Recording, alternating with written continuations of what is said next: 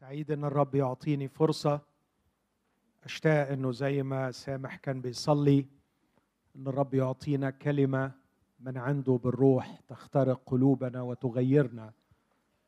هذا شوقي كمتكلم ربما أكثر من السامعين. فأرجو فعلا أن تكون أشواقنا وقلوبنا هي أن يتحدث الرب إلينا. أنا على قلبي أشارككم بآية وأتوقف عندها في رسالة كورنثوس الأولى أصحاح 15 هذا الأصحاح العظيم عن القيامة. كورنثوس الأولى 15 أستأذنكم نقف مع بعض وإحنا بنسمع.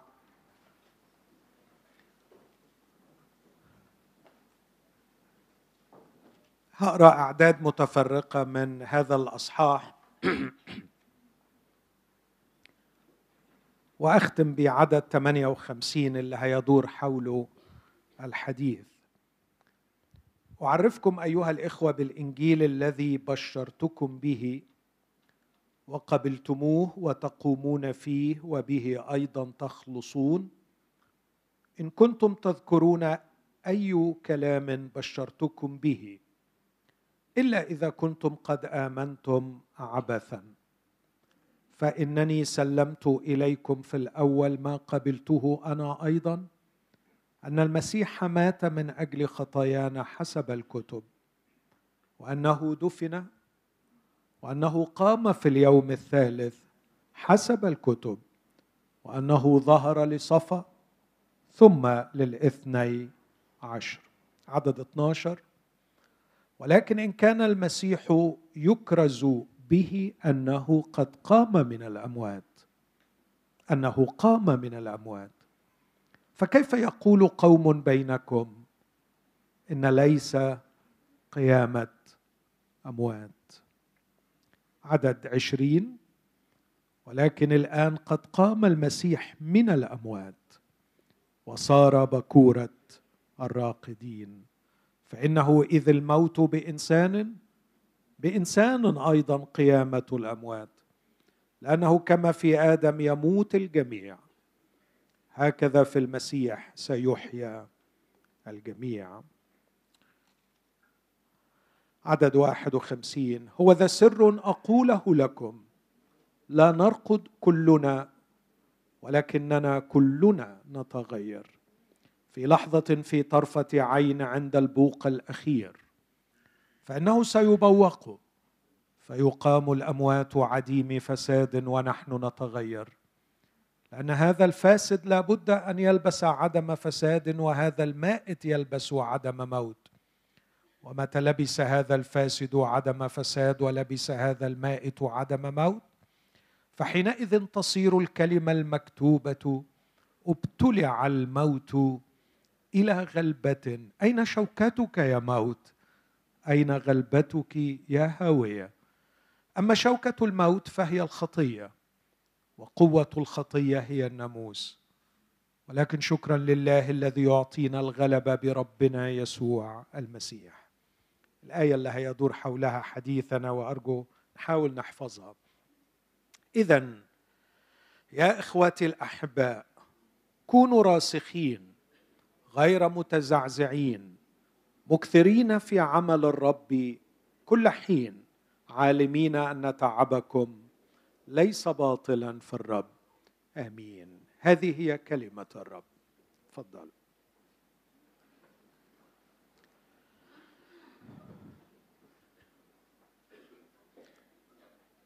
لما بسأل نفسي إيه أكتر شيء ممكن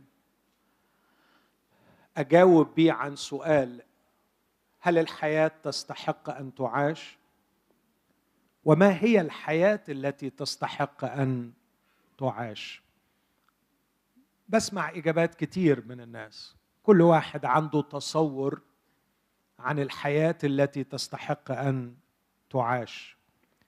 من وجهة نظري ما يجعل حياتي تستحق أن تعاش هو عمل الرب. لو لم يوجد في الحياة عمل الرب فهذه الحياة لا تستحق أن تعاش. عمل الرب هو أعظم عطية بعد الخلاص يعطيها الرب لنا في الحياة. يعطينا هذا الامتياز المبارك أن نعمل معه أن نكون عاملين مع الله. وأنا أعتقد إنه كثير من الأحزان والقلق والمخاوف في حياة أولاد الله. إنما ناتجه عن كونهم لم يشتركوا مع الله في عمله. انهم يعملون في مجالات كثيرة لكن لا يعملون عمل الرب. أعتقد أن عمل الرب ليس فقط يعطي الحياة معناها يجعل الحياة مشبعة يجعل الحياة ممتلئة لكنه أيضا يحفظ من القلق ومن الهم يحفظ من الخطيه كثير من المؤمنين مرتبكين بخطايا مختلفة لأنهم لا يعملون عمل الرب. علشان كده الليلة حابب أتكلم شوية عن عمل الرب.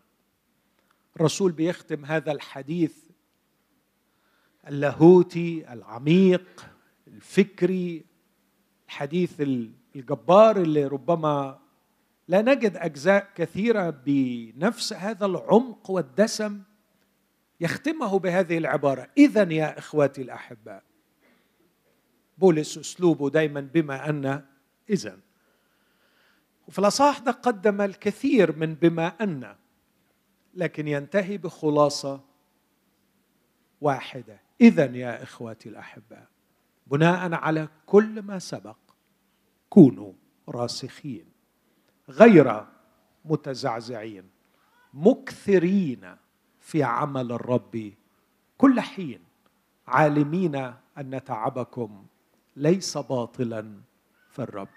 هحاول أجاوب عن أربع أسئلة بخصوص عمل الرب. السؤال الأول ما هو عمل الرب؟ ما هو عمل الرب الذي يدعونا الرسول أن نكثر فيه؟ والسؤال الثاني اللي أعتقد إنه مهم ما هي طبيعة عمل الرب؟ الرسول بعد ما قال مكثرين في عمل الرب كل حين ما يقولش عالمين أن عملكم للرب ليس باطلا لكن عالمين أن تعبكم. فحابب أوضح نقطة يمكن تكون غايبة عن البعض. أن عمل الرب عمل متعب. عمل متعب. ومن يجهل هذه الحقيقة يبدو أنه لم يعمل عمل الرب. أنا أو ربما يحبط في عمل الرب. ما هي طبيعة عمل الرب؟ إنه تعب. وهوضح ليه تعب. لكن السؤال الثالث ما هو الحافز الذي يحفزنا على عمل الرب. ما هي المكافأة والإجابة أنه ليس باطل؟ أن تعبنا في الرب ليس باطل. ثم أختم بسؤال مهم. ما هو الأساس المنطقي الذي يجعلنا نكثر في عمل الرب؟ لما الرسول بيقول اذا يا إخواتي الأحباء أحب أعرف الفرضيات أحب أعرف بما أن اللي بسببها وصل لهذه الخلاصة. اذا يا إخواتي الأحباء كونوا راسخين غير متزعزعين مكثرين في عمل الرب كل حين. دي تقريبا الأسئلة الأربعة. يمكن أتناولهم بهذا الترتيب أو بترتيب مختلف حسب ما الرب يقودنا والوقت يتسع. أبدأ بتعريف ما هو عمل الرب؟ مكثرين في عمل الرب كل حين. واضح إنه عايزنا نشتغل مش قليل نكثر ومش عايزنا نشتغل أحيان وأحيان لا لكن عايزنا نشتغل كل حين. فهو عايزنا نشتغل كتير في عمل الرب وعايزنا نشتغل كتير في عمل الرب كل حين. فأعتقد السؤال المنطقي ما هو عمل الرب؟ وإجابتي أحبائي باختصار وأرجو أن قلوبنا تنفتح للجواب الذي سأقدمه. من الخطير جدا أن يترك الأمر لنا لنعرف ما هو عمل الرب. من الخطير جدا أن يترك الأمر لقائد أو لطائفة أن تعرف ما هو عمل الرب. إذا كان الكتاب المقدس قدم لنا تعريفا لما هو عمل الرب. ليه بقول كده؟ لسببين. السبب الأول إنه في سفر إشعياء في ناس بنكتشف إنهم بيقتلوا إخوتهم وبيطردوا إخوتهم بيحاربوا شعب الرب وهم بيعملوا كده بيقولوا ليتمجد الرب.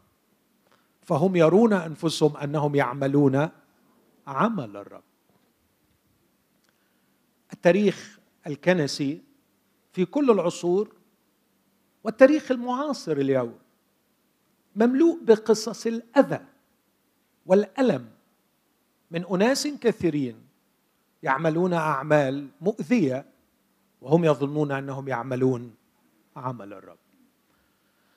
أو حتى حتى افترضنا إنها ليست مؤذية فهي أعمال باطلة ليست عمل الرب. لكن أيضا الرب يسوع في العظة على الجبل علمنا تعليم خطير أن في اليوم الأخير سيأتي إليه كثيرون ويتكلمون معه بحماس شديد مستعرضين لستة الأعمال قائمة الأعمال التي قاموا بها. فيقول للرب يا رب يا رب أليس باسمك تنبأنا وباسمك أخرجنا شياطين وباسمك صنعنا قوات كثيرة? الرب يقول حينئذ أصرح لهم إني لم أعرفكم قط. ما عرفتكمش. هل من الممكن أن يندمج شخص في نشاط مسيحي من وعظ وترنيم وخدمات وصدقات وصلوات ومؤتمرات ويظن أنه يعمل عمل الرب وهو لا يعمل عمل الرب. الإجابة نعم. علشان كده في منتهى الأهمية يتهيألي إن الواحد فينا إذا أدرك إنه لازم يدي حياته لعمل الرب. وبناء على المقدمة اللي ذكرتها أنا عمل الرب هو الذي يعطي الحياة معناها وهو الذي يجعل الحياة تستحق أن تعاش وهو الذي يحفظ من الخطية وهو الذي يجعل الحياة ممتلئة. فاعتقد أي شخص بياخد الأمور بجدية لازم يسأل نفسه طب إيه هو؟ عمل الرب. إجابتي باختصار أن عمل الرب هو عمل الرب. عمل الرب يسوع. فالرب يسوع عندما كان على الأرض لم يكن عاطلا لكن كان له عملا عظيما. كان يعمل عملا. فما هو العمل الذي عمله الرب يسوع؟ لاحظوا أنا هنا بنتقل من فكرة لفكرة. إذا سألت ما هو عمل الرب إجابتي هو عمل الرب. عمل الرب يسوع. عندما كان هنا على الأرض كان يعمل عملا. لكن يأتي السؤال الثاني وما الذي كان يعمله الرب يسوع؟ ما هو العمل الذي عمله الرب يسوع الذي يجعلني أقول هذا هو عمل الرب؟ أعتقد أن كلام الرب في صلاته الأخيرة في يوحنا 17 تعطي إجابة جميلة عن هذا السؤال وبه أجيب عن سؤالي المهم ما هو عمل الرب؟ الرب يسوع في صلاته الأخيرة يرفع عينيه إلى السماء بكل ثقة بثقة الابن الحبيب الشبعان اللي عارف إنه أتم إرساليته على أكمل وجه. فيقول للآب هذه الكلمات في عدد أربعة. أنا مجدتك على الأرض. العمل الذي أعطيتني لأعمل قد اكملته أنت اديتني عمل وأنا أكملت العمل. وأنا لو واقف هناك ساعتها همسك في بإيديا وأسناني وأقول له أرجوك قول لي إيه هو العمل ده؟ أنا عارف إنك لما هتمشي من الأرض هتسيبنا وراك. ورجائك فينا إن إحنا نكمل شغلك وراك. أنا سمعتك بتعلم في يوحنا 14 وقلت إن الأعمال اللي أنا بعملها اللي بيؤمن بي سيعملها ويعمل أعظم منها. أنا مصدق قوي في كلامك إن أنت أرسلتنا إلى هذا العالم لكي نعمل عملك. ما هو يا سيد العمل الذي تتكلم عنه مع الآب بنجاح ساحق وتقول للآب بثقة شديدة العمل الذي أعطيتني لأعمل قد أكملته. وكان الآب فرحان وبيصادق على هذا.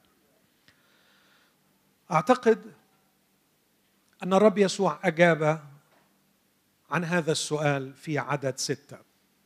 العمل الذي أعطيتني لأعمل قد اكملته بعدين يجي عدد خمسة. وكأنه بين قوسين قبل أن يشرح طبيعة العمل. بيقول له الآن مجدني أنت أيها الآب عند ذاتك بالمجد الذي كان لي عندك قبل كون العالم. ولما نقرأ الجزء ده بتدقيق لماذا يطلب الرب يسوع أن يتمجد عند ذاته بالمجد الذي له؟ لأنه في الأول قال له مجد ابنك ليمجدك ابنك أيضا. لقد مجدتك على الأرض. والآن أريد وأنا في العرش أن آخذ هذا المجد لكيما أعطي تلاميذي الروح القدس فيواصلوا العمل الذي أنا بدات سأمجدك أيضا من خلال تلاميذي على الأرض. لكن يبقى السؤال ما هو العمل؟ يأتي عدد ستة. أنا أظهرت اسمك للناس الذين أعطيتني من العالم. أنا أظهرت اسمك. إظهار اسم الآب أي تقديم للناس صورة صحيحة عن الله الآب. هذا العالم غارق في ظلمة الأكاذيب عن الله. العالم لم يعرف الله. والرب يسوع في هذا الأصحاح أيضا وهو يصلي قال له أيها الآب البار إن العالم لم يعرفك لم يعرفك. لماذا لم يعرفوه؟ لأن إبليس كدس العالم بأكاذيب كثيرة عن الآب. ماذا فعل الرب يسوع عندما جاء إلى العالم؟ جاء كهيكل كخيمة الاجتماع.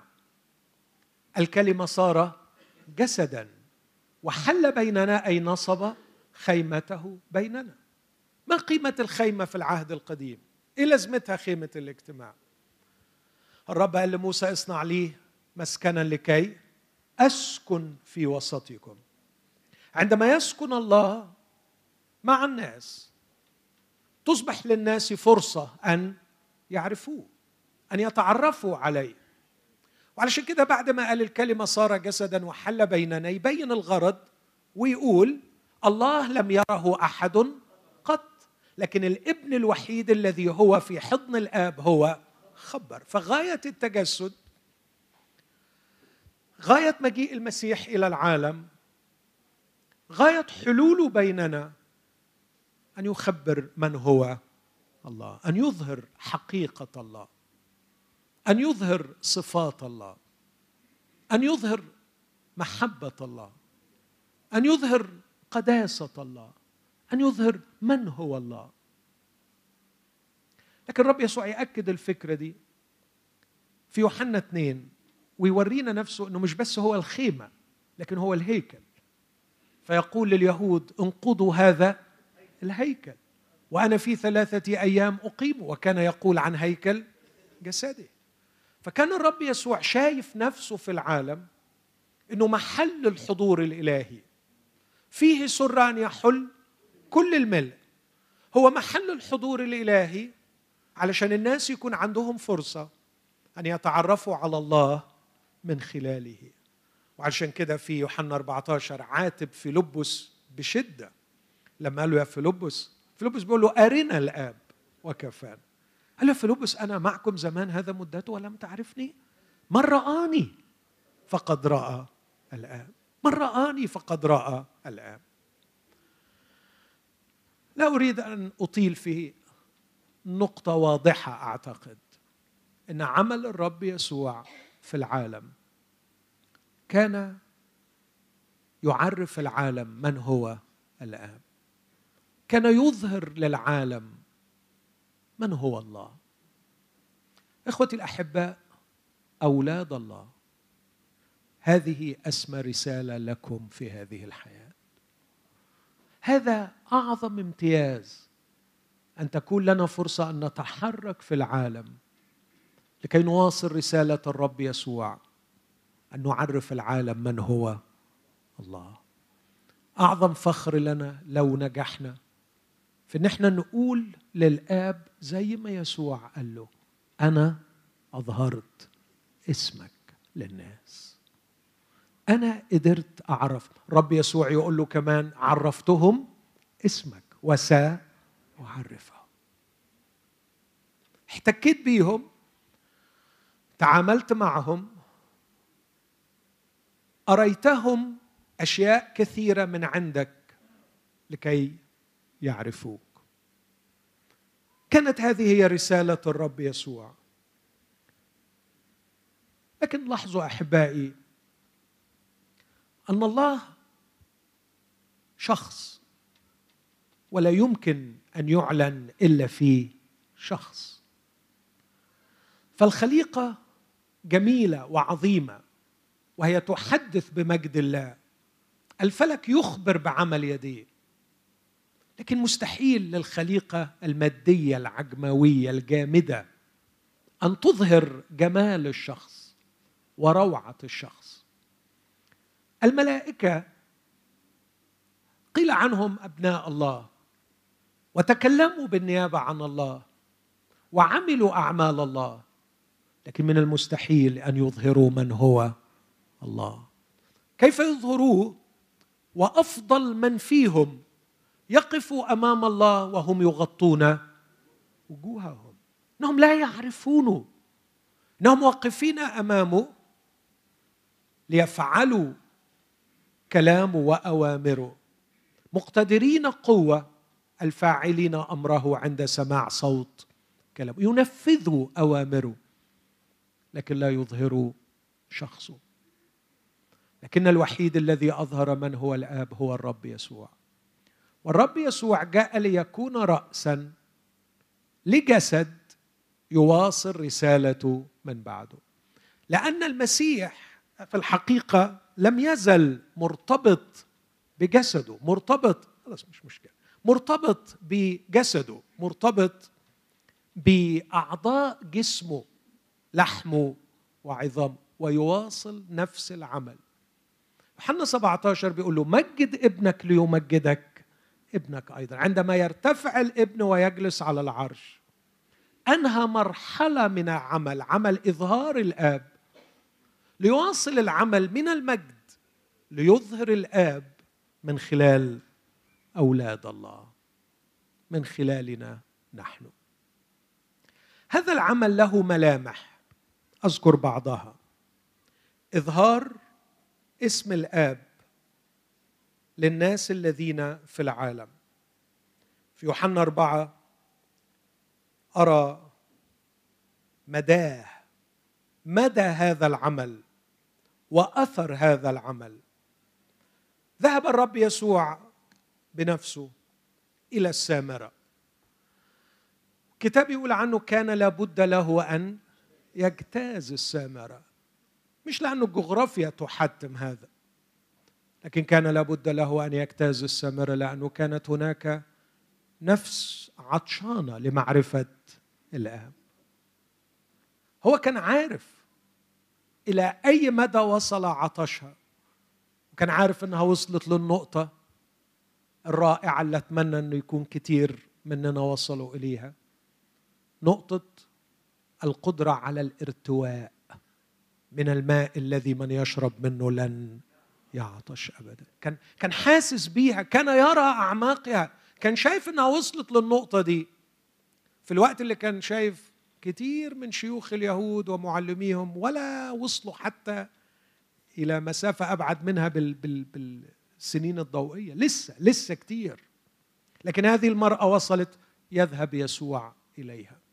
وعندما ذهب إليها ودار الحديث الطويل وروى وكلمها عن الآب وعرفها عن الساجدين الذين يطلبهم الآب وكيف يشبعون وكيف ينبع فيهم الماء إلى حياة أبدية.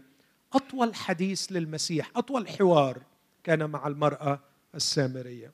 بعد أن أنهى الحوار جاء التلاميذ في أصحاح أربعة عدد واحد وثلاثين. في أثناء ذلك سأله تلاميذه قائلين يا معلم كل فقال لهم أنا لي طعام لآكل لستم تعرفونه أنتم. فقال التلاميذ بعضهم لبعض ألعل أحدا أتاه بشيء ليأكل؟ قال لهم يسوع طعامي أن أعمل مشيئة الذي أرسلني وأتمم ده شغلي أنا جاي السامرة لأنه ده عمل الرب عمل أبي. عمل أبي اللي قلت عنه للمطوبة من وأنا طفل. ينبغي أن أكون فيما لأبي. هو ده عمل أبي. أن أروح للست الغلبانة دي وأروي ظمأها. أتمم عمله. وبعدين يكشف لهم حاجة جميلة عن اللي كنت بقوله من شوية. أن عمل الرب يملأ النفس بالبهجة والشبع. أن عمل الرب يجعل الحياة لها معنى. أما تقولون إنه يكون أربعة أشهر ثم يأتي الحصاد؟ ها أنا أقول لكم ارفعوا أعينكم وانظروا الحقول. انها قد ابيضت للحصاد والحاصد يأخذ أجرة. الحاصد بيأخذ أجرة. اللي بيحصد في عمل الرب ما بيبيتش ابدا ابدا بدون أجرة. ما فيش في مرة عملنا عمل الرب دون أن نأخذ أجرة راقية. إيه الأجرة الراقية؟ شبع. طعامي أن أعمل مشيئة الذي أرسلني وأتمم عمله. والحاصد يأخذ أجرة ويجمع ثمرا للحياة الأبدية لكي يفرح الزارع والحاصد معا. لماذا تغيب الأفراح؟ لماذا تغيب القداسة أحيانا؟ لماذا يسود الحزن والقلق؟ لأننا لم نشترك في عمل الرب. ولماذا لم نشترك في عمل الرب؟ لأنه في نظرنا عمل الرب هو إنك كنيسة تكلفك بخدمة تعملها. مدرس مدارس أحد تترقى شوية تبقى في إعدادي تترقى أكتر تبقى ثانوي تترقى أكتر وأكتر يمكن يدوك وعظة ده لو ربنا فتحها عليك و... أو تقود اجتماع أو يمكن يمكن تكون رئيس لجنة أو أحد الناس اللي مسؤول يا سلام. طب وفي الآخر رسيت على كم واحد والباقيين؟ باقيين شغلتهم يجوا يجوا مش هقول يجوا يعملوا إيه؟ كفاية كده. عمل الرب هو مسؤولية كل ابن لله وكل ابن لله أن تكون في محيط أسرتك وفي محيط عملك وفي محيط سكنك. تظهر اسمه للناس الذين من حولك. تعرف الناس الذين حولك من هو الرب؟ بحياتك وبأعمالك. وتبقى دي المهمة المقدسة الأولى والعظمى وإرساليتك في هذه الحياة.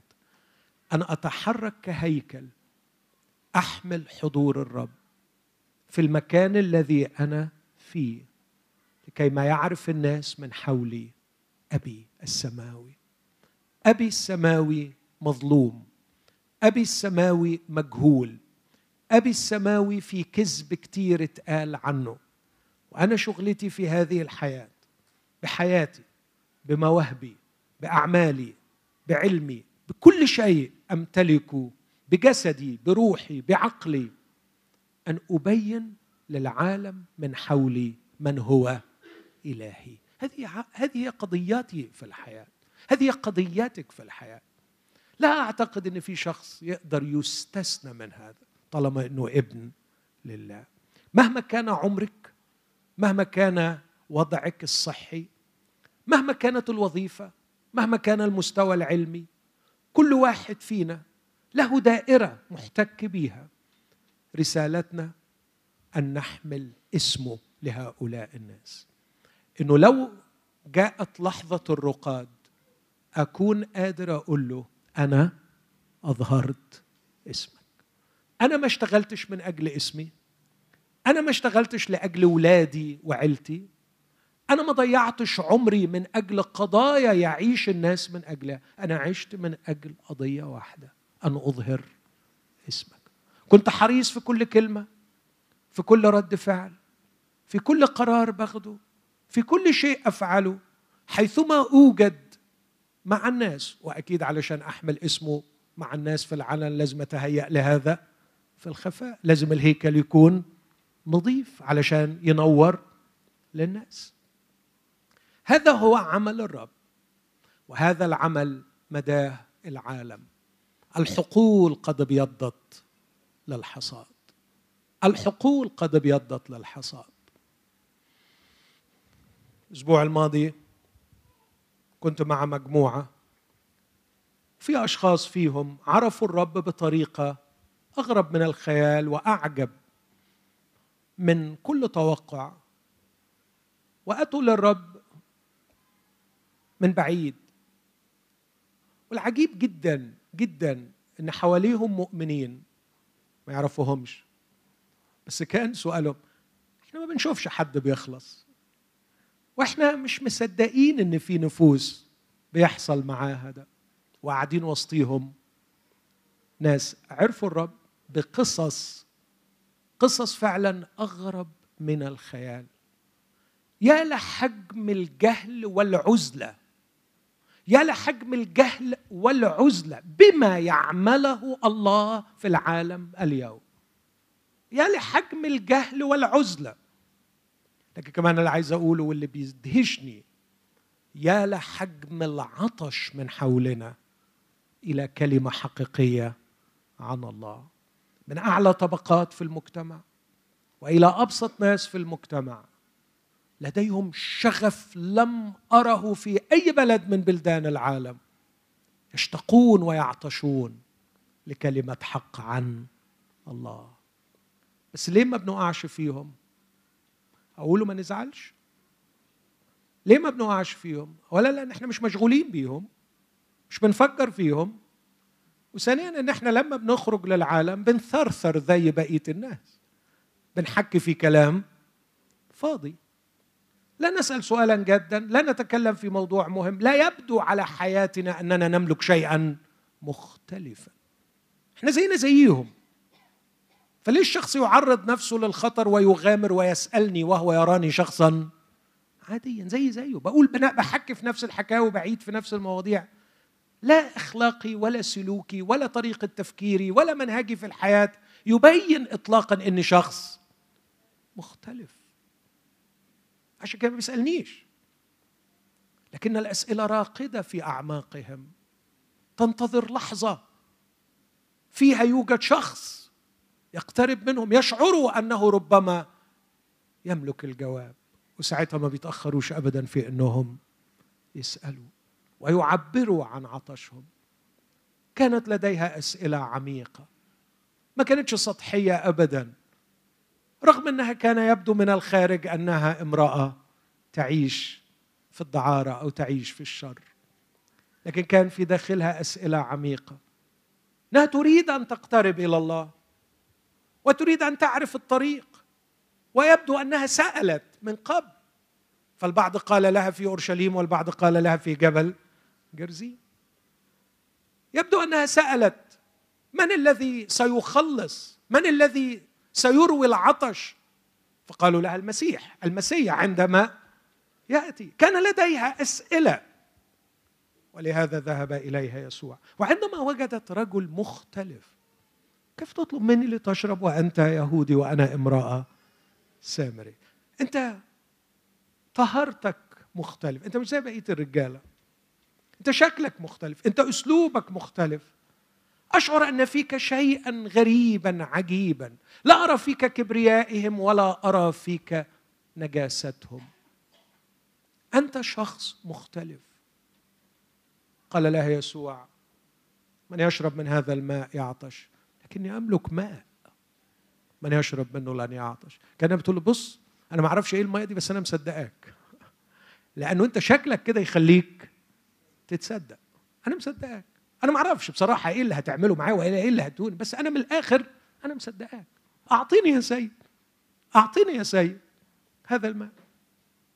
يروح داخل أعمق. طب روحي هاتي جوزك ما عندهاش مشكلة تقول له. تقول له. تكشف له قلبها حتى لو كشف ناقص لكن لأنها وثقت فيه.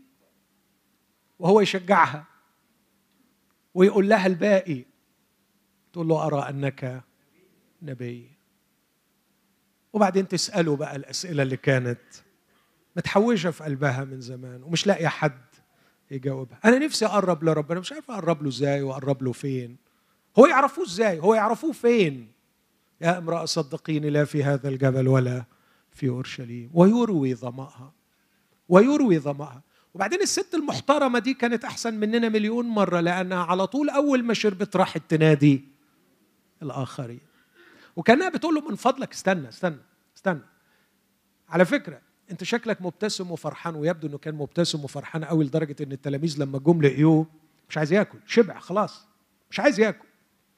فقالت له أنت شكلك فرحان عشان أنا خدت على فكرة في من الصنف بتاعي كتير. دي البلد كلها بتسأل. دي البلد كلها عايز تعرف. أرجوك خليك هنا أروح أجيبهم لك. فخرجت المدينة كلها وأتت اليه كانت عطشانة.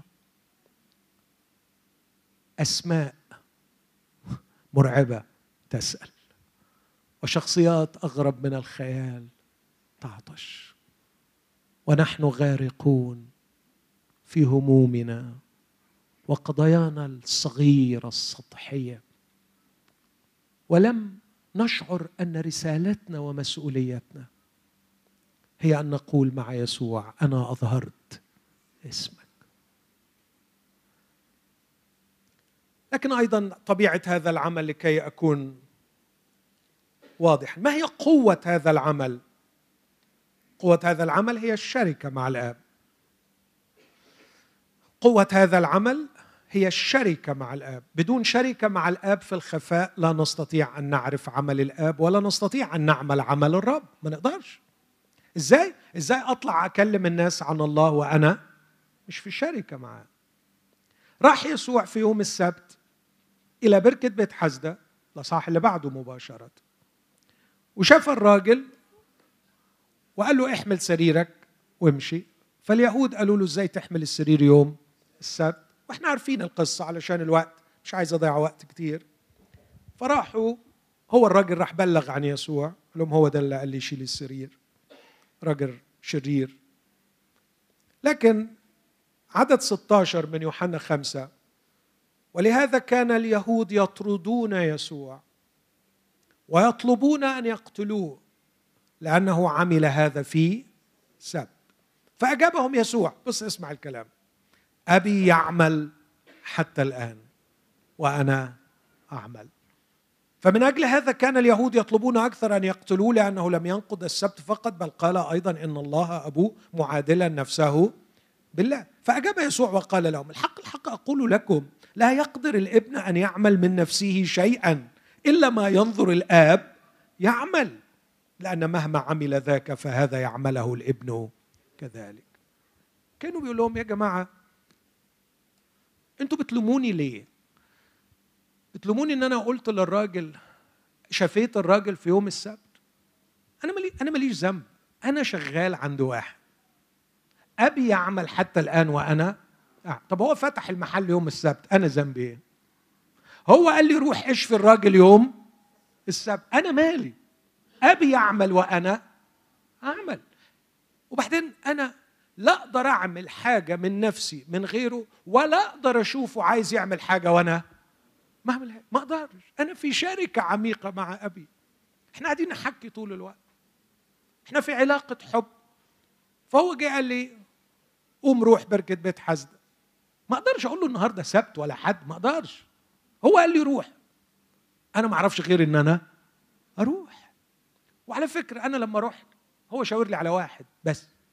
قال لي اشفي ده؟ قلت له حاضر اشفي ده؟ ويا ريت اختار لي راجل عدل اختار لي راجل أعوج. بس خلاص هو هو عايز كده. أنا أنا أعمل إيه؟ الراجل ده راح بلغ عني بعد كده. بس هو عايز كده. أنا لا أقدر أن أعمل من نفسي شيئا. وأنا عايز أقول للي حابب يعمل عمل الرب عمل الرب لا ينطلق إلا من شركة مع الرب. شركة فردية شخصية عميقة مع الرب. ولما هتقعدي مع الرب ولما هتقولي له أنا منى عيني إني أعمل عملك لأني بحبك وأنا فهمت إن عملك هو إني أظهر اسمك بحياتي وأخلاقي وأعمالي وكلامي وأفكاري وحججي ومواهبي وكل حاجة هعمل عملك وأنا عايز أعمل عملك. الرب هيرشدك وهيبعتك وهيبعت لك وهيشغلك طول الوقت معاه. وفي الوقت ده خليكي جاهزة وخليك جاهز. اسمعوني في العبارة اللي جاية. أن يقودك الرب في غير المألوف وغير المعتاد. وتوقع أن يهيج الناس عليك. لأنك ستعمل غير المألوف وغير المعتاد. إن الناس يصفقون للمألوف والمعتاد. لكن من يعمل مع الآب كان على استعداد أن يعمل في يوم السبت ويجلب على نفسه غضب الناس الذين لا يفهمون إلا في المألوف والمعتاد. لكن عمل الآب دائما غير مألوف وغير معتاد. وتوقع أن يقودك الرب بصوت واضح عبر صعاب مختلفة إلى غير المألوف وغير المعتاد. وربما يجلب هذا عليك غضب الناس. لكن طوبى لك بابتسامة الآب وطوبى لك لما الآب يشير إليك ويقول فتاي الذي سرت به نفسي وهذا فتاي الذي اخترته حبيبي الذي سرت به نفسي. لكن أيضا بسرعة في أصحاح تسعة تشوف الرب يسوع خارج وكأنه برضه ماشي بالصدفة لكن لا يمكن يكون بالصدفة. كان الروح يقوده كان يتحرك بقيادة حكيمة من الآب. وفيما هو مجتاز. يوحنا تسعة. رأى إنسانا أعمى منذ ولادته. بصوا التلاميذ مشغولين بإيه بقى؟ بصوا الخيابة بجد بصوا الحاجة اللي اللي تحزن القلب. وده اللي على فكرة اللي لسه لسه الناس شغالة فيه. يا رب يسوع عندي سؤال. في قضية لاهوتية مهمة هنا. هو الراجل ده عندنا مشكلة بخصوصه لأنه مولود أعمى فغالبا ما لحقش يعمل خطية تعميه قبل ما يتولد لأنه اتولد أعمى. فاحتمال كبير يكونوا أبواه هم اللي عملوا الخطية فربنا عملهم ابنه فاحنا عايزين رأيك في القضية دي. حاجة تسد النفس. فعلا حاجة تسد النفس. هو ده اللي شغلكم هي دي القضايا اللي بتدوروا فيها سنين سنين سنين سنين. تغير هذا السؤال ولم يتغير جوهره. من هذا أخطأ أم؟ أبواه. تغير هذا السؤال وتغيرت الواقعة وتغيرت الأحداث والأشخاص ولم تزل الكنيسة آلاف السنين تسأل نفس جوهر هذا. السؤال. نلف وندور في دوائر ملهاش أي معنى لمجرد دعم عقيدة معينة وهدم عقيدة أخرى. والراجل قاعد أعمى ومحتاج يفتح. وإحنا عمالين نسأل.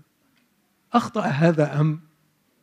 أبواه كم من سنين؟ كم من طاقات؟ كم من خناقات سخيفة تافهة؟ كم من صراعات لا معنى ولا قيمة لها. تدور حول أسئلة لا احتياج أن نسألها. قال لهم المعلم لا هذا أخطأ ولا ابواه مش هي دي القضية خالص. لكن لتظهر أعمال الله فيه ينبغي. آدي بقى فتى الله. آدي اللي بيعمل عمل الآب. ينبغي أن أعمل أعمال الذي أرسلني. ما دام نهار يأتي ليل حين لا يستطيع أحد أن يعمل. ما دمت في العالم فأنا نور العالم. ما الذي أتعلم عن عمل الله هنا؟ تعلم عنه إنه فترته محدودة. قلت عمل الله هو إظهار اسم الآب اسم الله للناس تعريف الناس بمن هو الله. عمل الله مداه العالم ومردوده الشبع والفرح زي ما نشوف في يوحنا أربعة. يا سلام على القصة المشبعة. عمل الله قوته ينبع من شركة مع الآب ويقود صاحبه إلى غير المعتاد وغير المألوف. لكن الأمر الخامس ولا معرفش نمرة كام عمل الله مدته محدود.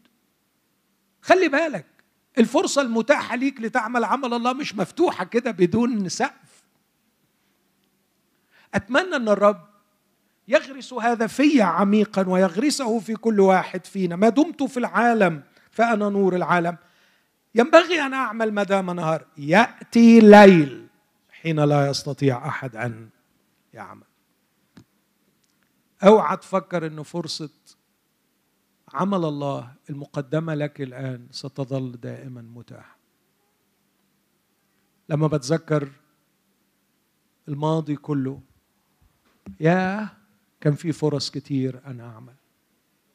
وراحت. راحت راحت. واليوم عندي فرص. أصلي إنه ما يكونش لدي كسل أو غباء يجعلني أفقدها.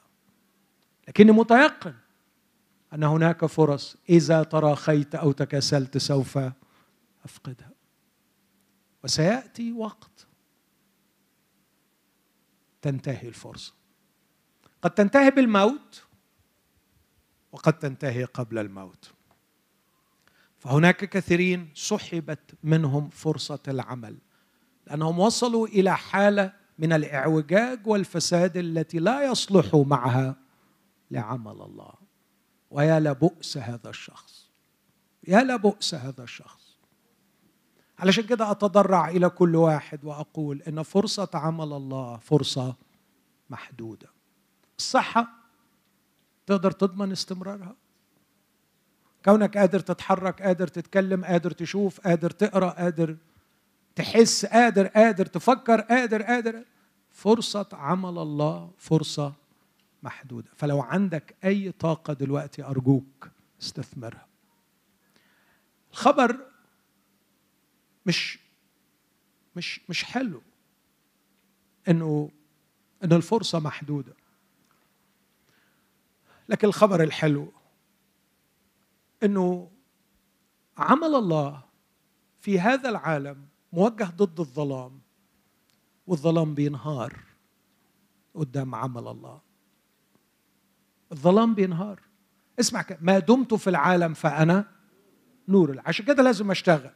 لو الرب يسوع مش شايف إن في فايدة من وراء العمل ما كانش هيشتغل ولا هيعمل. ما دمت في العالم فأنا نور العالم. العالم مليان بالظلمة لكن النور يقهر هذا الظلام. أعتقد إنه ده يكفي للتوضيح ما هو عمل الرب. أنتقل بسرعة وأقول إنه ما هي طبيعة هذا العمل؟ إنه تعب.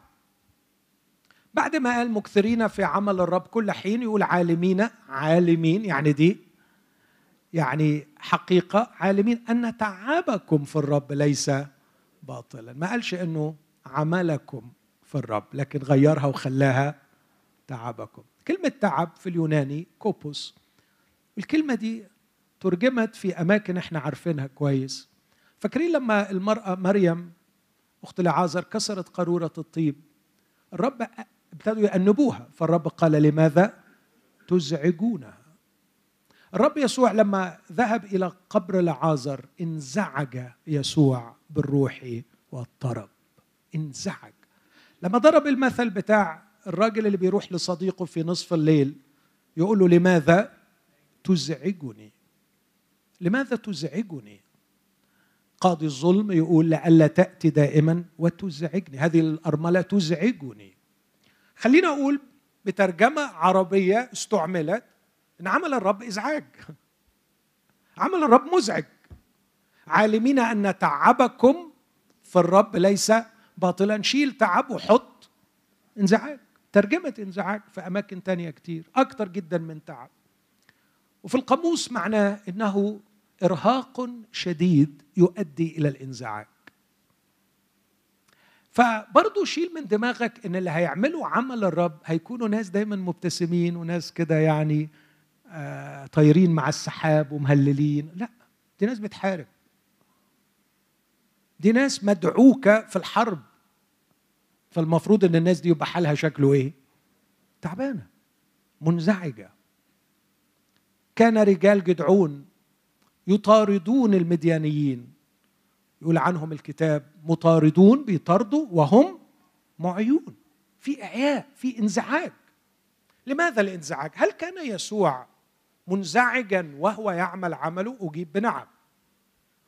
على الرغم من الأفراح التي كان يحصلها لكن في مواقف كثيره تقول إنه كان منزعج. وأذكر على الاقل سببين. كان منزعجا بسبب القبح. بسبب الظلم بسبب الموت. كان منزعجا بسبب الشر والألم في العالم. يسوع حساس. يسوع بيحب. يسوع رقيق. ولما كان بيتعامل مع الناس كان بيشوف الظلم والقهر والشر. ما تقنعنيش إنه ما كانش بينزعج. عندما رأى مريم تبكي وعرف أن الموت افترس لعازر انزعج يسوع بالروح والطرب. وكلمة الطرب هنا بعد ما انزعج يعبر عن انزعاجه يمكن ترجمتها جأر غاضبا صرخ بغضب. بعدين بكى. وكأنه يقول ما يصحش إن الموت يفترس ما الموت عدو ما يصحش إنه يدخل البيوت ويدمر البيوت. الموت بكرهه. وجئت لكي أقاومه. فمرة تاني دخل بيته جايب له راجل جايب له راجل إيده مشلولة يده يابسة. أهله عشمانين إنه يشفيه. فابتدوا اللي قاعدين مش بيفكروا في مأساة الراجل ده ليه كام سنة ما اشتغلش. مش لاقي ياكل مش لاقي ياكل عياله مش ده اللي بيشغلهم. هو يسوع هيشفيه يوم السبت ولا مش هيشفيه؟ طب دول عايزين إيه دول؟ عايزين إيه دول؟ قولوا لي أنتوا؟ احكموا أنتوا.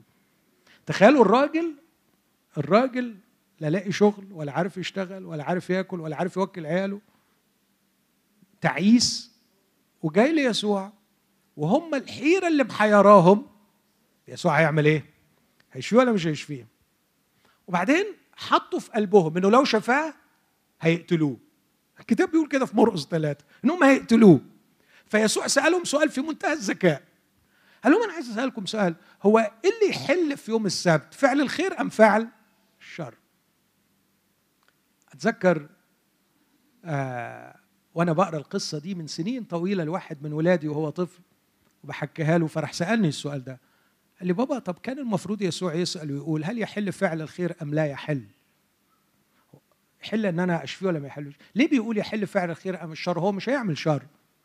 فخلاني فكرت فيها لكن فعلا اكتشفت إن يسوع كان عايز يقول أنتوا اديتوا لروحكم الحل يوم السبت إنكم تفكروا في قتلي. أنتوا ما عندكمش مانع تقتلوني يوم السبت بس عندكم ألف مانع إن أنا أشفي الراجل يوم السبت. إلى هذا الحد يصل التشوه في الإنسان. آه هي دي الناس اللي بنقابلها. جوه الكنائس وبره الكنائس. الدماغ باظت والقلوب فسدت والناس بتتشاور وبتفكر والراجل مش لاقي ياكل. تعرف الكتاب يقول إيه؟ نظر إليهم نظر حوله إليهم بحزن حزين على غلاظة قلوبهم. حزين. اللي هينخرط في عمل الله يتوقع الانزعاج. اليوم كنت بتكلم مع مجموعة كبيرة من الشباب. قلت لهم بصوا على كل العمارات اللي حواليكم. وتخيلوا أي شباك لأي شقة من اللي أنتم شايفينها. وادخلوا جواها. وأؤكد لكم أجزم بيقين ستجد في الداخل القبح والألم والشر والظلم. لا يوجد بيت واحد على الأرض يخلو من الألم ومن القبح. والناس تحتاج لمن يفعل معهم الخير. واللي هيدخل عشان يعمل الخير ويعمل عمل الله لابد أن ينزعج. النقطة الثالثة بسرعة مكثرين في عمل الرب كل حين. ما هو الأساس المنطقي اللي اللي يشجعني؟ يعني بما أن بما أن بما أن. اذا إيه اللي يخليني أتحفز لكي ما أكثر في عمل الرب. أنا أحط بعض الحاجات بسرعة. الرسول لما كتب الأصحاح ده كتبوا عن القيامة لاعتبار مش عايز أدخل فيه لأنه هياخد وقت مني. ليه كتب الموضوع ده للمؤمنين في كورنثوس؟ وليه هم قالوا إنه ما فيش قيامة؟ أو بعضهم يعني بعض منهم مش كلهم. قصة طويلة. لكن اضطر انه هو يبعت لهم الأصحاح ده وقسمه بطريقة جميلة. كان أول شيء ركز عليه في عدد واحد. قال لهم إن القيامة حدثت. إحنا مش هنناقش هو حصلت ولا ما حصل القيامة حصل وتثبت لنا بشهود كثيرين إنها حصل يسوع مات ودفن. يسوع قام وظهر. وزي ما كان الدفن هو دليل موته كان الظهور هو دليل قيامته. فيسوع قام وظهر. وبعدين ظهر ظهر لصف ظهر للاثنى عشر وظهر ليعقوب. واحد يعدد الظهورات وظهر له 500 واحد. عشان ما تقوليش واحد هلوس ولا النظريات الخيبه واحدة من أكثر الأشياء التي يمكن في إيماننا المسيحي التدليل عليها بالمنطق وبالحجة هي قيامة المسيح. المسيح قام. ونقدر نقدم حجج منطقية موضوعية تاريخية على قيامة المسيح. فبولس بيقول لهم المسيح قام.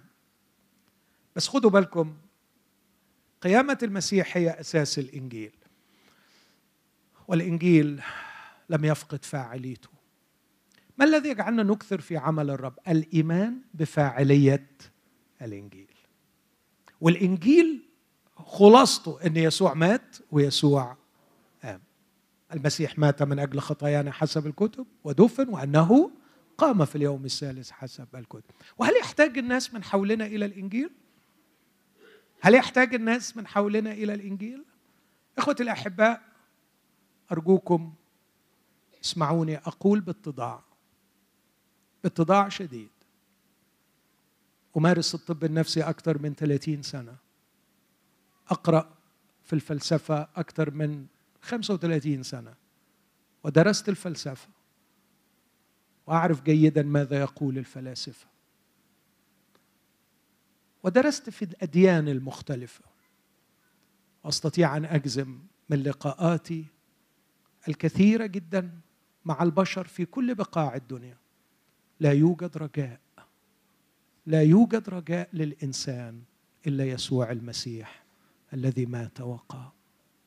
لا رجاء في علم نفس ولا رجاء في فلسفة ولا رجاء في دين.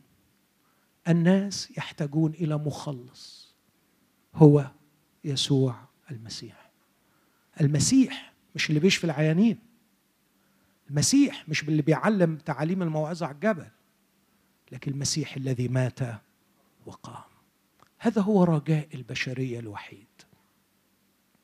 كل يوم أنا بقول حرفيا كل يوم بقابل ناس وأسمع قصص. وبعد ما أسمع القصة أقول لا رجاء لهذا الإنسان إلا في يسوع الذي مات وقام.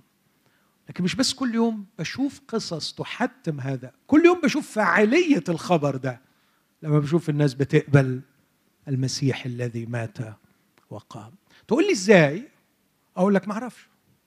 هي عملية سرية فعلا. هي حاجة غامضة. بقدم المسيح للشخص شخص بيتوحد مع يسوع بالإيمان بيخلص. أنا ما أعرفش إزاي. بس على فكرة مش هي دي بس الحقيقة الغامضة الوحيدة في الحياة. هو أنت لما تقول أنا بعبد رب مش شايفه مش ده شيء غامض؟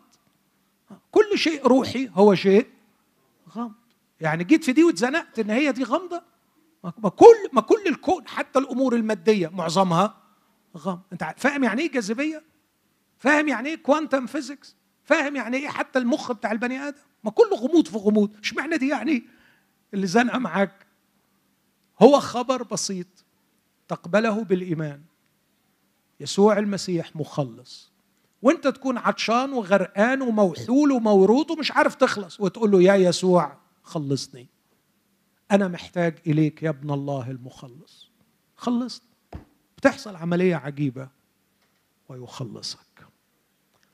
الإيمان بيقينية وفاعلية الإنجيل. لكن الأمر الثاني اللي بولس يبني عليه مكثرين في عمل الرب كل حين الإيمان بيقينية العالم غير المنظور.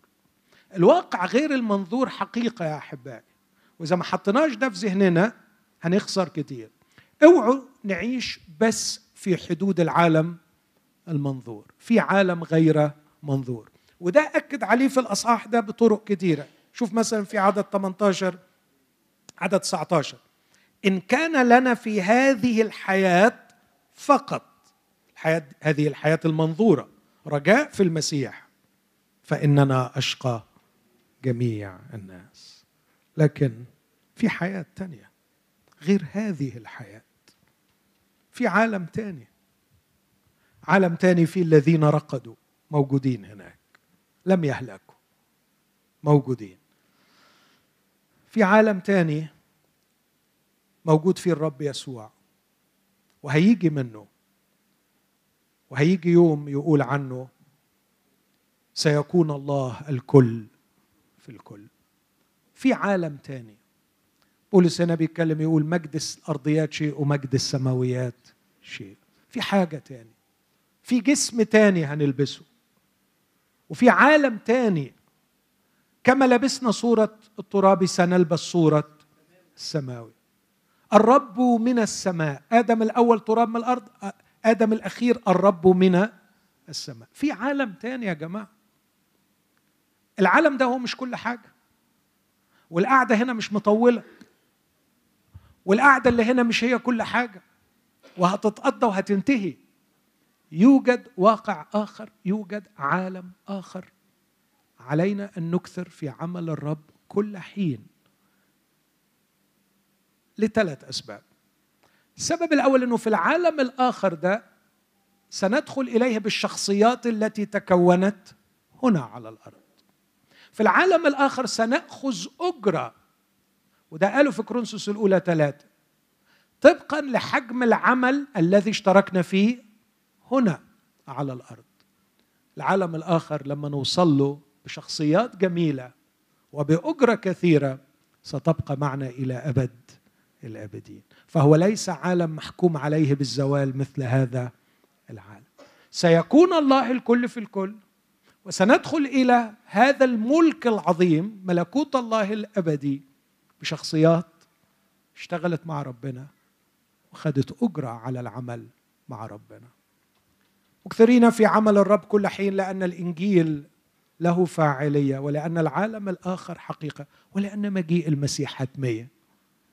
بيؤكد في هذا الأصحاح على حتمية مجيء المسيح ثانية. سيأتي وحتما سيأتي. هو ذا سر أقوله لكم. لا نرقد كلنا لكن كلنا نتغير. في لحظة في طرفة عين عند البوق الأخير فإنه سيبوق فيقام الأموات عديم الفساد ونحن الأحياء نتغير. تسالونيك الأولى أربعة وكرونسوس الأولى خمسة عشر قال واحد من المفسرين أكثر حقيقة في العهد الجديد ذكرت هي حقيقة مجيء المسيح ثانية. سيأتي المسيح. عشان كده يا بخت اللي يشتغل معاه. وأخيرا لأنه عملكم في الرب ليس باطلا. اليوم كنت بسمع حكاية عن واحد باع بيعة كبيرة. قيل عنها أنها أكبر صفقة في تاريخ مصر. وبعد ما باعها بحاجة بسيطة اتباعت لحد تاني بسعر أكبر من اللي هو باع بيه. بفترة بسيطة. دخل في اكتئاب شديد للغاية وعاش آخر أيامه في كآبة ومات كئيب. بس الكلمة اللي كان يكررها أنا فاشل أنا ما عملش حاجة كل اللي عملته ضاع. شاعر بالإحباط والفشل. سمعت الكلمة دي من ناس حاصلين على جائزة نوبل. وأنا عملت إيه؟ سمعت الكلمة دي من ناس خدوا أعلى الشهادات لكن شعور بالفراغ عميق. أنا عملت إيه؟ ما عملتش حاجة في الحياة. ملهاش لازمة. لكن يسوع المسيح وهو ماشي العمل الذي أعطيتني لأعمل قد أكملته. وبولس يقول جاهدت الجهاد الحسن. أكملت السعي. حفظت الإيمان. وأخيرا وضع لي اكليل البر. سليمان جاهل. آه جاهل.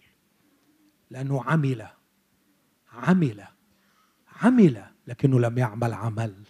الرب عمل عمل نفسه.